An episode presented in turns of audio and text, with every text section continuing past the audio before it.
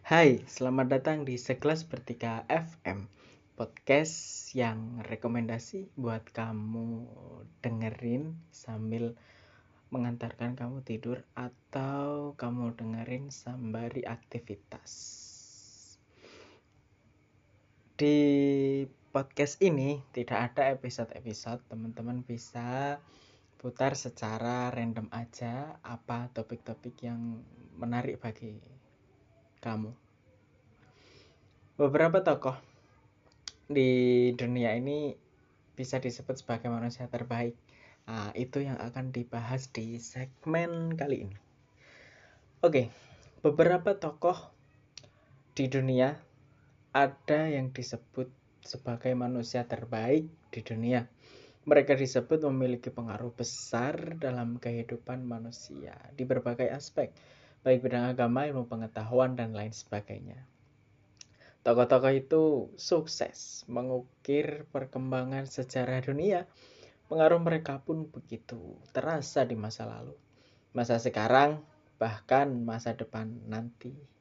Nah, lantas siapa saja manusia terbaik di dunia daripada Penasaran yuk langsung simak dengar podcast ini.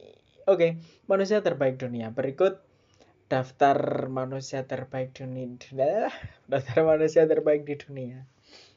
Nah, ini mengutip dari buku 100 tokoh paling berpengaruh yang ditulis atau dikarang oleh Michael Hart. Dalam bukunya 100 tokoh paling berpengaruh dunia. Ya, yang pertama, yang pertama, menurut Michael Hart, yakni Nabi Muhammad. Nabi Muhammad menempas Nabi Muhammad menempati posisi pertama sebagai manusia terbaik di dunia. Posisi ini diberikan lantar Rasul merupakan satu-satunya manusia dalam sejarah yang berhasil meraih kesuksesan luar biasa, baik dari ukuran eh, baik dari ukuran agama maupun ukuran duniawi. Nabi Muhammad berperan besar dalam menyebarkan salah satu agama terbesar dunia yaitu Islam. Di saat yang sama beliau juga menjadi pemimpin yang tangguh meski telah tiada pengaruh beliau tetap kuat hingga hari ini. Baik, yang kedua, Isaac Newton. Isaac Newton merupakan ilmuwan paling berpengaruh yang pernah hidup Ilmuwan asal Inggris ini berhasil menemukan teleskop modern, analisis spektural, hukum gravitasi, dan kalkulus. Ia juga menyuguhkan penjelasan terkait prinsip-prinsip fisika tentang pengawetan jumlah gerak meyakinkan ihwal asal mula bintang-bintang dan memberikan sumbangsi besar di bidang termodinamika. Kemudian yang kedua, eh yang ketiga, Yesus Kristus. Umat Nasrani mempercayai Yesus Kristus sebagai Tuhan dan Juru Selamat. Jika dilihat dari sisi sejarah, Yesus Kristus memang telah memberikan pengaruh yang begitu besar terhadap perkembangan agama Kristen.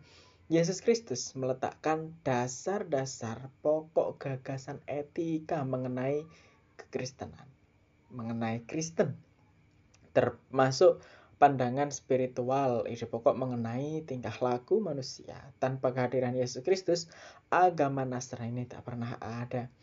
Yang keempat, Gautama Buddha alias Pangeran Siddhartha. Siddhartha ini dikenal sebagai pendiri agama Buddha. Sejak kecil, beliau hidup di istana mewah. Namun ketika berusia 29 tahun, dirinya meninggalkan kehidupan istana untuk mencari kebenaran sejati. Beliau keluar dari istana tanpa membawa barang dan harta sedikit pun. Ketika menginjak usia 35 tahun, ia berkelana di sepanjang bagian utara dan menyebarkan filosofinya. Ketika beliau wafat, sudah ada ratusan ribu yang memeluk ajarannya. Ajaran tersebut terus berkembang hingga saat ini, yakni agama Buddha atau kita mengenal sosok ini dengan Siddhartha Gautama Buddha. Kemudian yang kelima, siapa? Yang kelima Konghucu.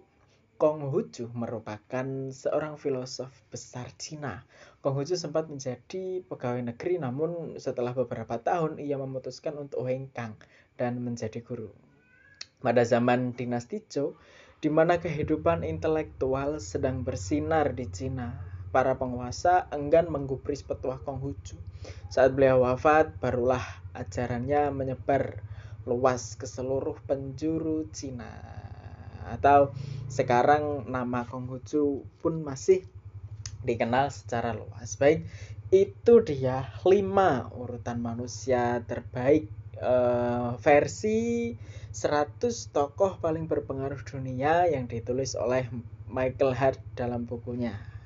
Nah, ini menurut Michael Hart uh, lima teratas ini kebanyakan mereka adalah pe pendiri atau tokoh nomor satu dalam agama ya. Mungkin menurut pandangan Islam semua nabi adalah tokoh berpengaruh atau mungkin dalam pandangan lain hmm, si uh, beliau Isaac Newton mungkin adalah orang yang pertama kali uh, fondasi dari awal-awal mula ilmu-ilmu pengetahuan. Nah, selebihnya silahkan teman-teman eh, kamu yang mendengarkan cari referensi lain bisa untuk menambah wawasan kamu. Ya, sekian segmen dari podcast Sekelas Bertiga FM kali ini. Semoga menambah wawasan dan terima kasih.